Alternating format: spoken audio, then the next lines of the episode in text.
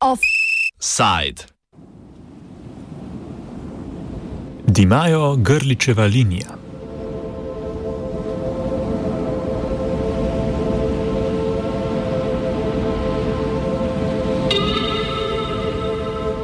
Hrvaška in Italija si nameravata razdeliti Jadransko morje v izključni gospodarski coni.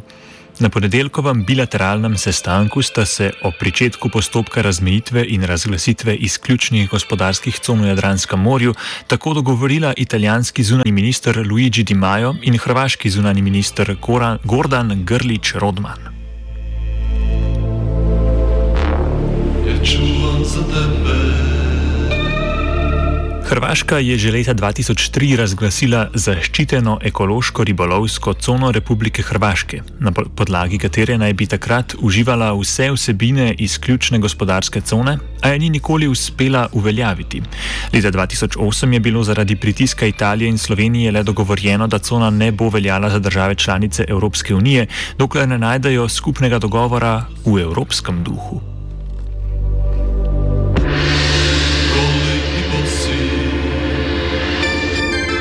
V zadnjem času so ideje o gospodarskih conah na Jadranskem morju ponovno oživele. Italija in Hrvaška bosta tako sami odločali o razpolaganju z bogatstvi morja, Slovenija je iz pogajanj izključena, čeprav je obaljna država. Kaj pomeni razglasitev izključne gospodarske cone, pojasni profesor Silvo Devetak z Pravne fakultete Univerze v Mariboru.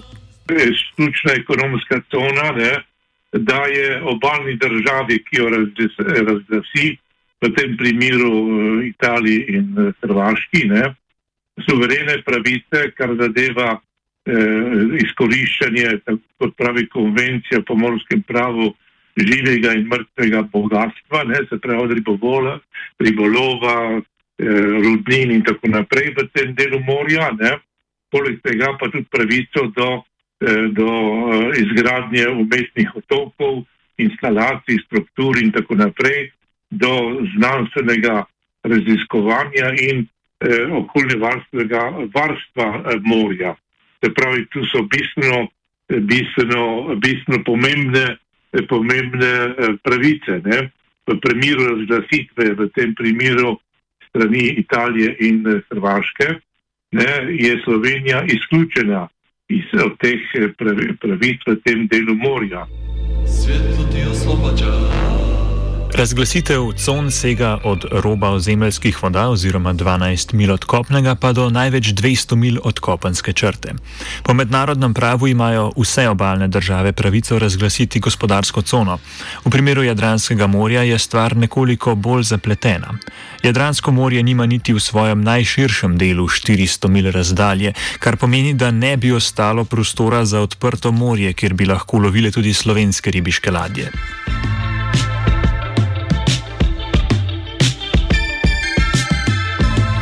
Slovenija v pogajanje o razmejitvi ni bila vključena kljub svoji sicer skromni obali na Jadranskem morju. Prav tako ne more razglasiti izključne gospodarske cone, niti epikontinentalnega pasu ali zaščitne ekološke cone, saj se je leta 2017 odpovedala zakonu, ki bi omogočal to vrstno uredbo, zaradi česar se sedaj pojavljajo določeni očitki takšnega ravnanja slovenske vlade. Pravnik Marko Pavliha, profesor na Fakulteti za pomorstvo in ribolov na Ljubljanski univerzi, meni, da Slovenija zaradi arbitraže s Hrvaško takrat ni mogla ravnati drugače, saj je šlo predvsem za simbolno razveljavitev zakona o epikontinentalnem in zaščitenem pasu, ki tako ali tako ni več veljav. V bistvu se vlada ni odrekla konkretno ekološki in uh, coni, ekološki coni in epikontinentalnemu pasu, ampak je odreagirala tako, kot je bilo samoumevno eh, po sprejetju veljavne arbitražne odločbe. Namreč veljavna arbitražna odločba je bila sprejeta koncem junija 2017 in v tisti odločbi razsodišče pravi, da Sloveniji dodatni morski pasovi ne pripadajo, da jih ni, o tem zato niso odločali. Zato je postala zato je postal pravzaprav naš zakon o ekološki coni in epikontinentalnem pasu neveljaven. Tudi če ga simbolično ne bi razveljavili, bi prenehal veljati neposredno po osmem členu naše ustave, ki daje primat mednarodnemu pravu nad nacionalnim.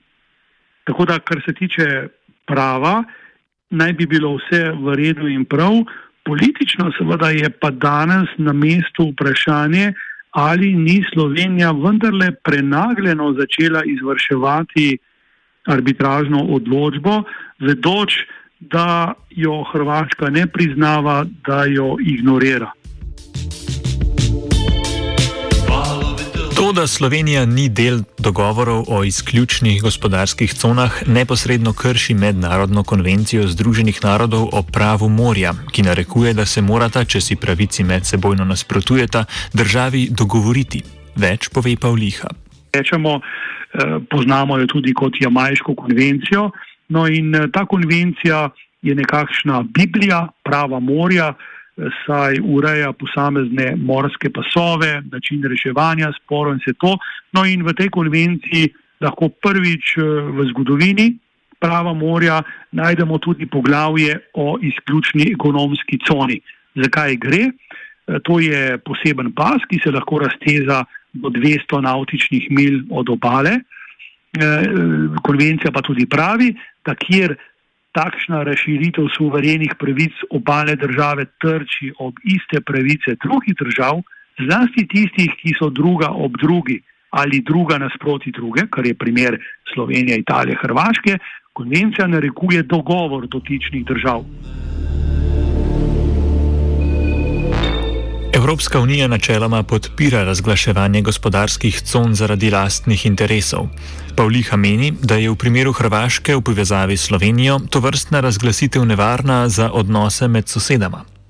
Evropska unija to tiho podpira, verjetno zaradi širjenja svojih pristojnosti, kajti izključne ekonomske cone pomenijo dodatnih 200 morskih mil, tam, kjer je sicer prostor za širitev pristojnosti držav članic Evropske unije. Torej, ne gre sicer za širitev teritorija, kajti izključna ekonomska cona ponuja samo zelo pomembne suverene pravice izkoriščanja živih in neživih bogatstv, ne pa tudi teritorija v smislu recimo teritorijalnih voda. Ampak menim, da je takšna držna, drža nevarna in napačna. Namreč, če to podpira zlasti vizavi tretjih držav, potem pomislimo na spor med Grčijo in Turčijo, ki je poleti skoraj da pripeljal do oboroženega spopada. Grčija trdi eno, Turčija trdi drugo, e, ni problem samo glede meje teritorijalnega morja, ki je e, za obe državi nekako sporazumno Eh, veljal samo v, v razdalji šestih morskih mil, ampak tudi glede izključne ekonomske cone. Eh, torej, kar se tiče pa notranjih odnosov, pa zopet eh, ni dobro. Če obstaja problem, ki bi se ga morala Evropska komisija zavedati in se ga, zlasti med Hrvaško in Slovenijo, pa še kakšen problem bo nastal, kajti Hrvaška nima urejenih meja z nobeno državo bivše Jugoslavije. V zadnjem času razglasitve gospodarskih con niso novost. Pavliha izrazi skrb zaradi vedno manj mednarodnih voda. Ampak žal eh, so se v zadnjem času posebej razpasle, ne omenim Cipr, Sirijo, Libijo, Tunis, Malto, do neke mere tudi Francijo, Libanon, uveljavljajo se tudi posebna morska območja, ki so izvedena iz izključne ekonomske cone, recimo ribolovne, ekološke cone.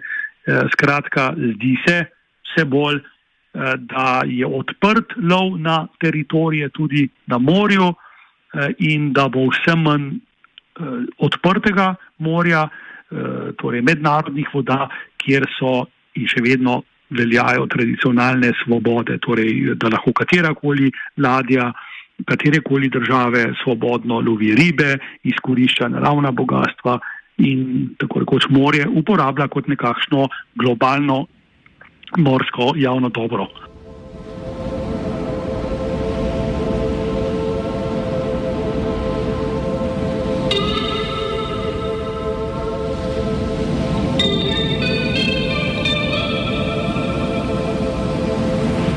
Slovenski ribiči imajo že težave zaradi hrvaškega nespoštovanja arbitraže z ribolovom čez sredinsko črto v Piranskem zalivu. To Hrvaška šteje za mejno črto med državama, čeprav je po arbitraži določeno drugače. Tako Alež Bolje, vodja ribiške svetovalne pisarne, meni, da se vsakdanja praksa za ribiče ne bo toliko spremenila z uvedbo izključnih gospodarskih con, saj so pogoji že sedaj omejeni. Težave za Slovenijo vidi v dolgoročnih posledicah. Torej, pogoji se kratkoročno ne bodo spremenili, ker so že, so že sedaj tako oteženi, da je praktično to uh, kar velik problem za naše ribiče.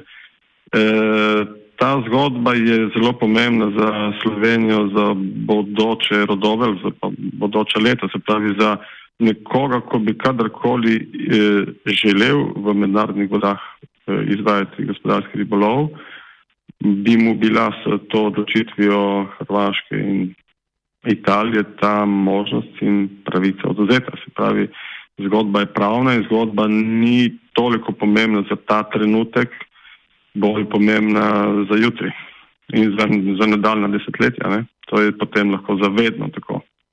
To praksi pomeni, da torej sedaj eh, plovila naših gospodarskih ribičev večino ali pa sploh ne lovijo v mednarodnih vodah, zato ker v, eh, skozi koridor, pač, ki je predviden po arbitražni nasodbi in ker zadeve niso de facto, se pravi, na terenu razrešene, kot bi morali biti, eh, s plovili, katera bi lahko, glede na svoje značilnosti, lovila v mednarodnih vodah, tam naši ribiči ne lovijo.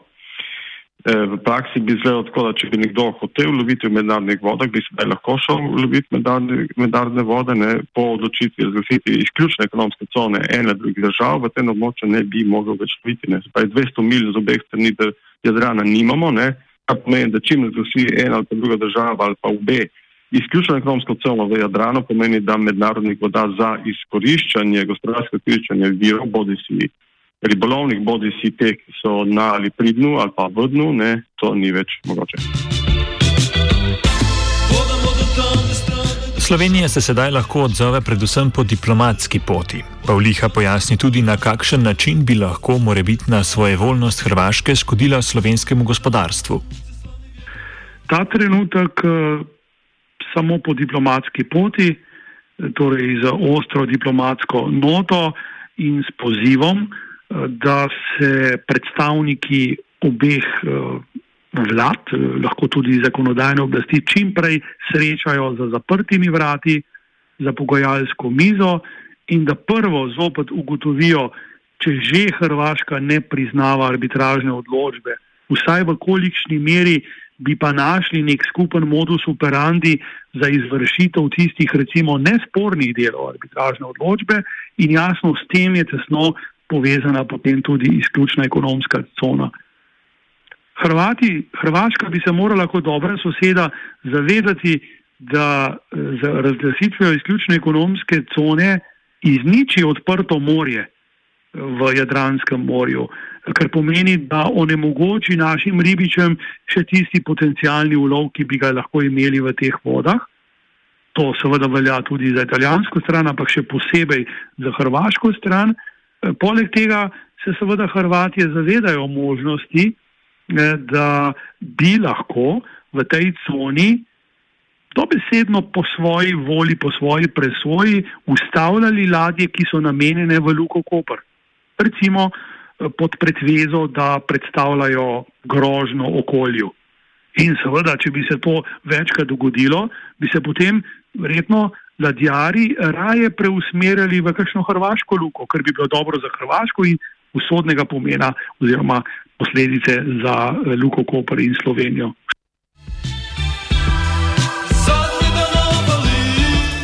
Hrvaška je leta 2017 sicer sklenila, da v okviru konvencije Združenih narodov iz leta 1982 uresničuje svoje pravice in interese v Jadranskem morju ter da ni potrebe za razglasitev izključno gospodarskega pasu.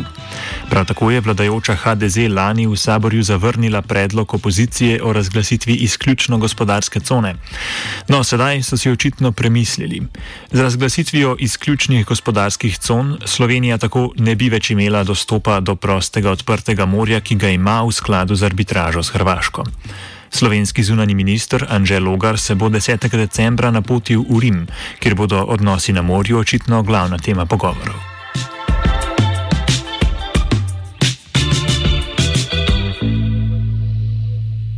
Offside je pripravila AKG. Offside. Tudi pri nas v Sloveniji eden od starih ljudskih pregovorov pravi: Dano besedo je treba izpolniti. Se pravi, da se obljube veseli samo bedak.